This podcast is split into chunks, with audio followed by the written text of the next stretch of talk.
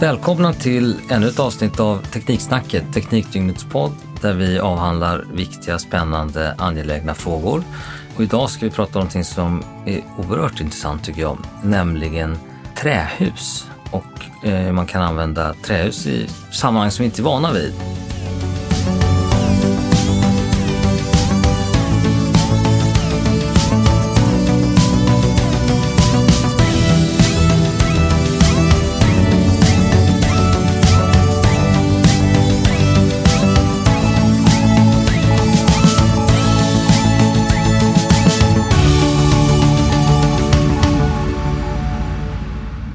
Med oss har vi två experter från Bjärking. Den här podden görs också i samarbete med Bjärking. Niklas Stenlund på Bjärking som arbetar som konstruktör och eh, Björn Johansson som gör samma sak också. Två riktiga experter. Jag skulle vilja börja med att ställa frågan, varför är det så bra att bygga i trä? Det finns många olika anledningar till att det är bra att bygga i trä. Den, den viktigaste idag är att det är hållbart och förnybart. Men sen finns det många andra egenskaper. Det är formbart, det är sinnligt, det är lätt i förhållande till sin styrka och det är mycket lämpligt för förtillverkning. Alltså industriella processer så är det ett mycket lämpligt material. Både att bearbeta och skapa volymer och moduler och element i fabrik och sen transportera till byggplats och där bara montera. Men man skulle också säga att det är snyggt och starkt. Finns det några nackdelar som gör att man ibland inte ska välja trä? Det finns nackdelar när man inte ska välja trä, men eh, det är väldigt sällan. Vi brukar inte rekommendera att bygga under mark i trä. Vi brukar inte heller rekommendera att bygga eh, i vatten. Hur länge har ni hållit på med det här? Som företag så har ju det här pågått ungefär sedan starten 1943. Träbyggande har alltid varit en viktig del i Bjärkings verksamhet. Det har varit som vi är idag då, sedan 1975 när man läser och lyssnar så får man intryck av att träbyggnationer har, upplever någon form av uppsving. Är det korrekt uppfattat? Just idag så har det en mycket kraftigt uppsving kan man säga. Det är det starkaste uppsvinget som träd nog har haft i, i sin historia, i alla fall i den moderna historien. Nyckelordet är nog egentligen hållbarhet och förnybarheten som har gjort att det idag har fått en så stark uppgång. Stämmer att det dessutom binder koldioxid? Det stämmer. Det är ju en viktig faktor. Där gäller ju också att man bygger hållbart så att husen står länge. För river man byggnaden sen, då har ju den vinsten gått eh, förlorad. Det finns ju också idag ett antal olika byggsystem i trä eller med träkonstruktioner som möjliggör att man istället för att eh, riva och, och elda upp då, så kan man alltså demontera och återanvända. Det är ett ovanligt lämpligt material för återanvändning. Så att även om byggnaden i sig blir omodern och gammal så kan man alltså återanvända delarna. Man kan flytta delar, vilket man har gjort eh, sedan urminnes tider med gamla timmerhus och så vidare. Om vi ska grotta in oss lite grann då. Kan du berätta lite grann om hur sker själva konstruktionerna? Vad är det limmade balkar eller hur går det till? Det finns ju ett antal olika materialtyper som man använder. Och eh, de vanligaste är väl vanligt konstruktionsvirke. Det du köper på brädgården, eh, plankor eller brädor om man säger så, i storlek 45, 95 upp till 220 är väl standardstorlekar. Sen kommer vi på limträbalkar där man då har i fabrik limmat ihop brädor för att få större dimensioner och styvare balkar. Det finns även LVL-balkar som är fanerbalkar egentligen som också är hoplimmade i fabrik, klarar längre spännvidder och blir styvare. Sen har vi korslimmade träskivor där man också industriellt limmar ihop skivor med brädor som är korslagda. Så att varannat skikt i 90 grader vinkel mot det föregående skiktet och på så vis kan få väldigt stora format. Upp till 3 gånger 16 meters format på skivorna som får egenskaper som mer liknar betongen, att den kan bära i två riktningar. Det är ju ett, material som blir vanligare och vanligare när man bygger större fastigheter och högre fastigheter. Sen har vi även lite lättbalkar där man har ett liv av OSB eller plywood eller masonit och eh, träflänsar som då får bra egenskaper och klarar långa spännvidder och eh, minska köldbryggor till exempel. Det är väl de huvudmaterial som finns. Och sen kan man ju då sammanfoga de här materialen i olika typer också. Så det blir ju en, en, stor matris med möjligheter som bara växer och växer. Modulbyggande har vi varit inne på lite grann. Det, det är ju väldigt populärt att småhustillverkarna börjar bygga i volymer. Och Eh, då, det innebär ju att man industriellt i fabriken bygger ihop bjälklag och väggar och ett tak så att du har liksom en låda som man färdigt i fabrik, gör färdigt badrum och kök och allting.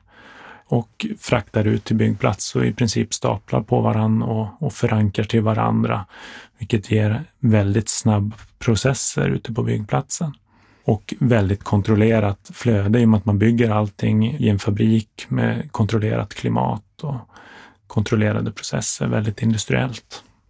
Vi förknippar ju oftast eh, trähus med eh, enfamiljshus eh, och kanske två lite mindre hus. Men hur mycket håller du på att slå igenom på den kommersiella sidan? Om man menar med kommersiell sida, alltså flerfamiljshus och andra typer av byggnader, är det ju det som ökar och ökar väldigt starkt. Och det hänger ju väldigt mycket ihop med de här äh, industriella möjligheterna som finns med materialet. Att man bygger delar eller hela hus i princip in i en fabrik under industriella förhållanden och industriella miljöer som är då naturligtvis kvalitetssäkrade och eh, robotiserade. Sen monterar man bara på plats och då är det ju flerfamiljshus mellan två och 16 våningar vi pratar om. Är det en svensk nordisk företeelse eller är det någon, är en internationell trend? Det byggs ju runt om i hela världen. Vi ser en del projekt i Australien, i Nordamerika. Men Norden är ju ganska ledande just nu. Världens högsta idag byggda trähus är ju Norge. Så man kan säga att Norden är med och, och driver utvecklingen. Sen finns det ju stark tradition och också även nere i Europa med Tyskland och Österrike. Där finns det mycket producenter av träråvara och, och forskas mycket också. Om man adderar till då andra typer av byggnader, alltså exempelvis skolor och så vidare, så byggs det väldigt mycket i England exempelvis och även om man tar konstbyggnader mer så är det ju spritt eh, runt om i Frankrike, Kina, Japan. Trä och träbyggandet används över hela världen kan man säga. Är det här en exportkompetens som svenska teknikkonsulter är efterfrågade i utlandet? Vi har ju en del export, men då är det svenska tillverkare som exporterar till framförallt Tyskland och Österrike på småhussidan. Annars tror jag kanske materialet är mer en export än konsulttjänsterna. Vad ser ni för trender här? Kan man bryta ut några trender? Förutom att det ökar kraftigt. Det är väl att det blir mer och mer och större och större projekt både större markavtryck och högre hus. Tillbaka i tiden så var det ju mer villor och sånt som du själv var inne på tidigare och, och lägre hus. Men nu är det lite kapplöpning att bygga högst och även att det blir stora projekt. Och där får vi mycket draghjälp av politiska beslut att man ska bygga mer hållbart och kommuner som har egna träbyggnadsstrategier och så vidare som gynnar träbyggande.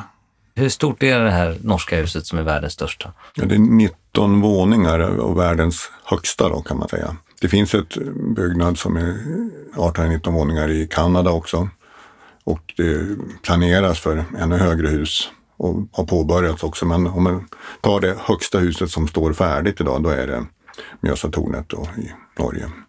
Och hur högt kommer man kunna bygga tror ni? Det är ändå lite kittlande kan jag tycka. Om man säger rent praktiskt, idag ska man nog kanske ha första gränsen vid 16 våningar. Då är det inte hållfastheten som sätter den gränsen utan det är våra brandkonsulter. Över 16 våningar blir det klassificerat som en BR0-byggnad och det pågår åtminstone i Sverige en, en diskussion idag kring hur en träbyggnad ska hanteras om den blir en BR0-byggnad. Är brandrisken större med träbyggnader än traditionella byggnader? Alltså man skulle kunna säga både ja och nej, men egentligen mest nej eftersom vi pratar om sprinklade byggnader och det betyder att oavsett varför det börjar brinna så kommer ju sprinklarna släcka elden. Och det spelar ingen roll vad den är byggd i för material. Det första som brinner i ett hus är ju normalt inredning. Det brinner lika oavsett vad det är för stomme. En trähusstomme är normalt skyddad utav gipsskivor så att den är skyddad av icke brännbara material. Det är möjligen att det är ytskikt om man har synligt trä som man får den här diskussionen. Och då finns det möjligheter att behandla den så att den inte blir lättantändlig. Men en, en synlig betongyta är svårare att tända eld på än en synlig träyta. Så är det. Möter ni mycket fördomar när det gäller att eh, bygga och konstruera i trä? Och vad är det för fördomar? Det känns ju som att fördomarna börjar suddas ut lite grann. Men de traditionella fördomarna är väl just att det, att det brinner lätt. Vi har problem med fukt, fukt och trä och eh, ljudproblematik i trähus. Sen så har det ju pågått ganska intensiva kampanjer från träbyggnadsbranschen nu för att sudda ut de här fördomarna. Men det är ju fortfarande de utmaningar vi har, kanske framförallt när det kommer till, till ljudfrågan. Att eh, akustikerna vill att vi frikopplar och har så lösa kopplingar som möjligt i husen. medan om vi ska bygga högre och större så krävs det stummare kopplingar mellan byggdelarna. Eh, vilket är lite motsägelsefullt. Men, men där utvecklas det också hela tiden att tas fram nya lösningar för att klara till exempel stegljud som kan vara en utmaning. Kan du förklara det lite mer pedagogiskt? Om man tänker i ett betongbjälklag, då har vi sån massa i betongen som gör att det inte skapas vibrationer när man går i det. Medan träbjälklag som är ett lätt material, det börjar vibrera och då blir det en ljudöverföring till underliggande lägenhet. Så ett lägenhetsskiljande bjälklag i betong, då, då räcker det med betongmassan i sig. Medan i ett träbjälklag, då måste man hitta andra lösningar där man har vibrationsdämpande material eller har dubbelkonstruktioner som det blir om man pratar modulbyggande. Att du har ett separerat golvbjälklag från undertaket i lägenheten under. Det finns lite olika varianter där att jobba med, antingen över golv eller under tak, vilket generellt sett påverkar bjälklagshöjden så att du får, får tjockare bjälklag i trähus. Men, men man kan man säga att eh, det där klarar man av att lösa? Det klarar man av att lösa.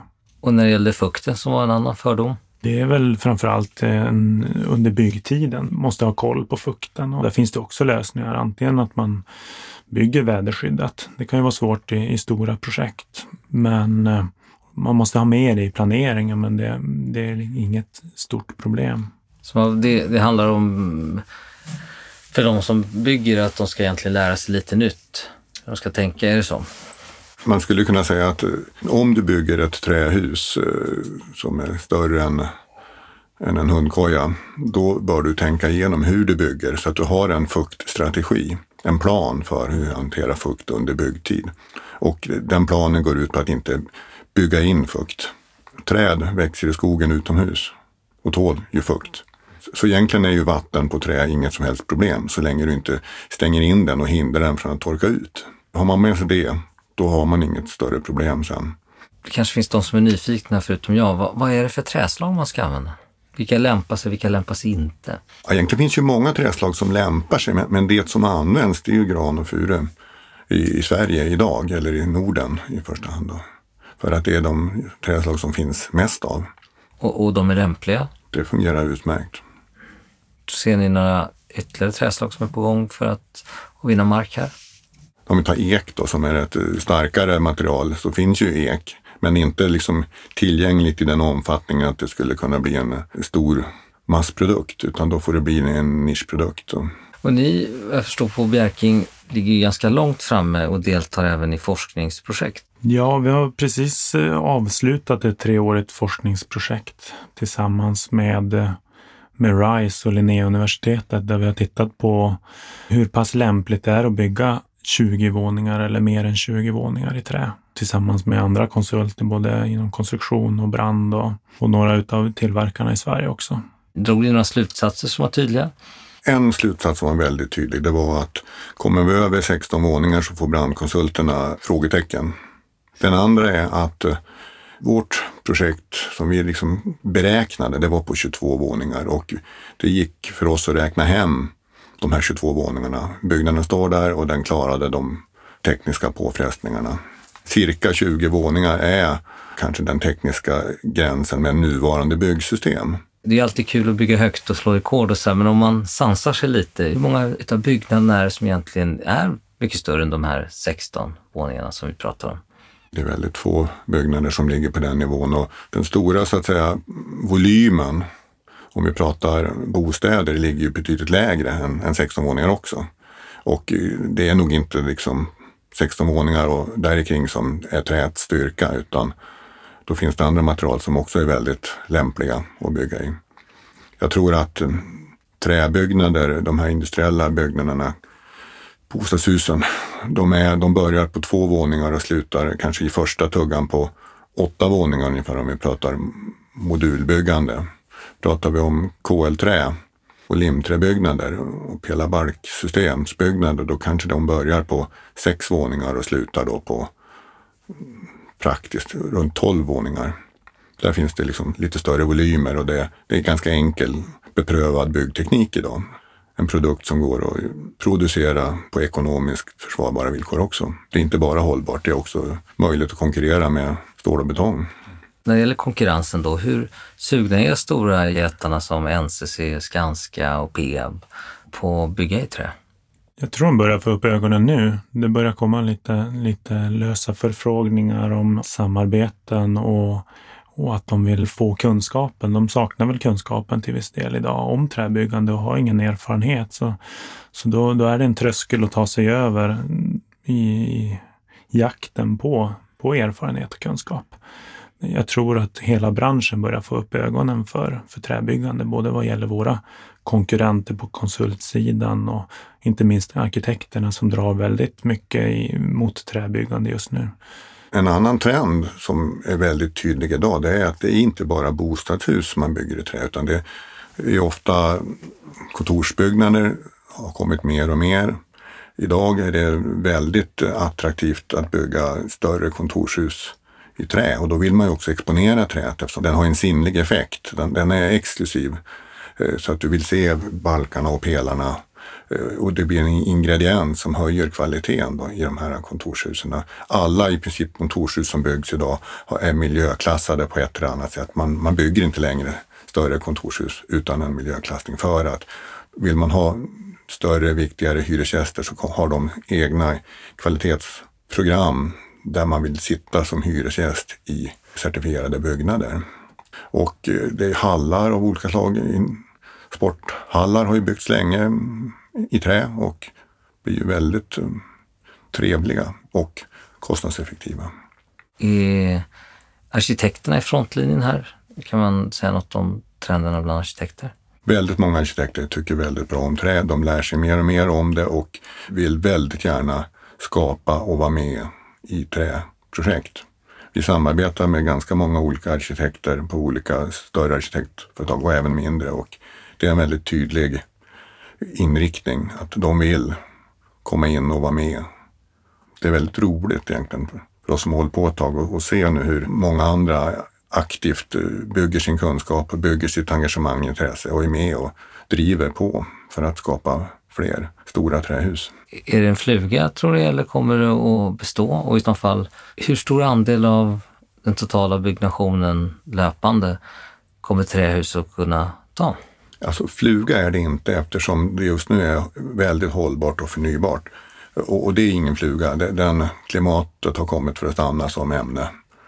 Och eh, det är väldigt lämpligt för industriella processer. Och hur stor andel skulle vi kunna bygga i trä, tror ni?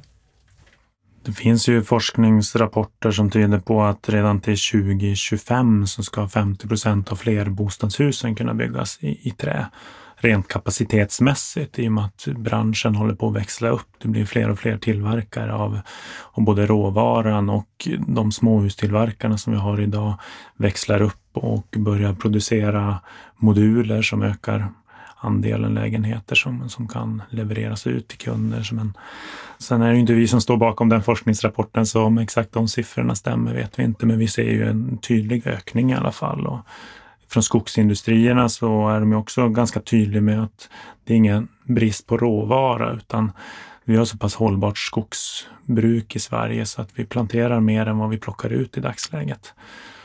Du sa 50 procent 2025. Hur stor är andelen av nybyggnationen idag? Cirka 10 procent. Vi ska få en eh, femfaldigande. Precis. Förmodligen är ju inte det en realistisk siffra i praktiken, utan man får nog se det mer som en möjlighet. Än, men eh, låt säga på fem år kanske kan ske en fördubbling utav, eh, alltså gå från 10 till 20 procent kan väl vara mera trolig utveckling och sen kommer det naturligtvis att fortsätta. Precis, och att kapaciteten hos tillverkarna ökar. De har ju också tankar och visioner om att exportera till utlandsmarknaden. Så att all den produktionskapacitet som byggs upp just nu, den är ju inte ämnad för den svenska marknaden. Jag måste fråga också, kan ni nämna någon så favoritbyggnad i trä som ni tycker att den här måste man åka och kolla på? Jag har ju en favoritbyggnad i trä. Som om man tycker om skidåkning och vet var Åre ligger någonstans så finns ett hotell som heter Copperhill Mountain Lodge. Det är en eh, katedral i trä kan man nästan säga. Så åk dit och njut.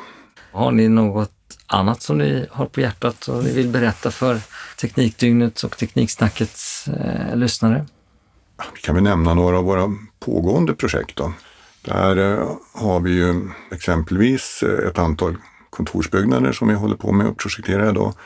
Ett stort som heter Magasin X som ligger vid Uppsala resecentrum tillsammans med Vasakronan som kommer att bli en, en fantastisk kontorsbyggnad när den blir färdig. Och eh, sen håller vi på tillsammans med Fabege och Hent, eh, kontorshus här i Stockholm. Och var ligger det? Det ligger på Kungsholmen, heter Paradiset 23. Vi håller också på med ett väldigt spännande projekt. Eh, det är Svenska paviljongen på världsutställningen i Dubai 2020.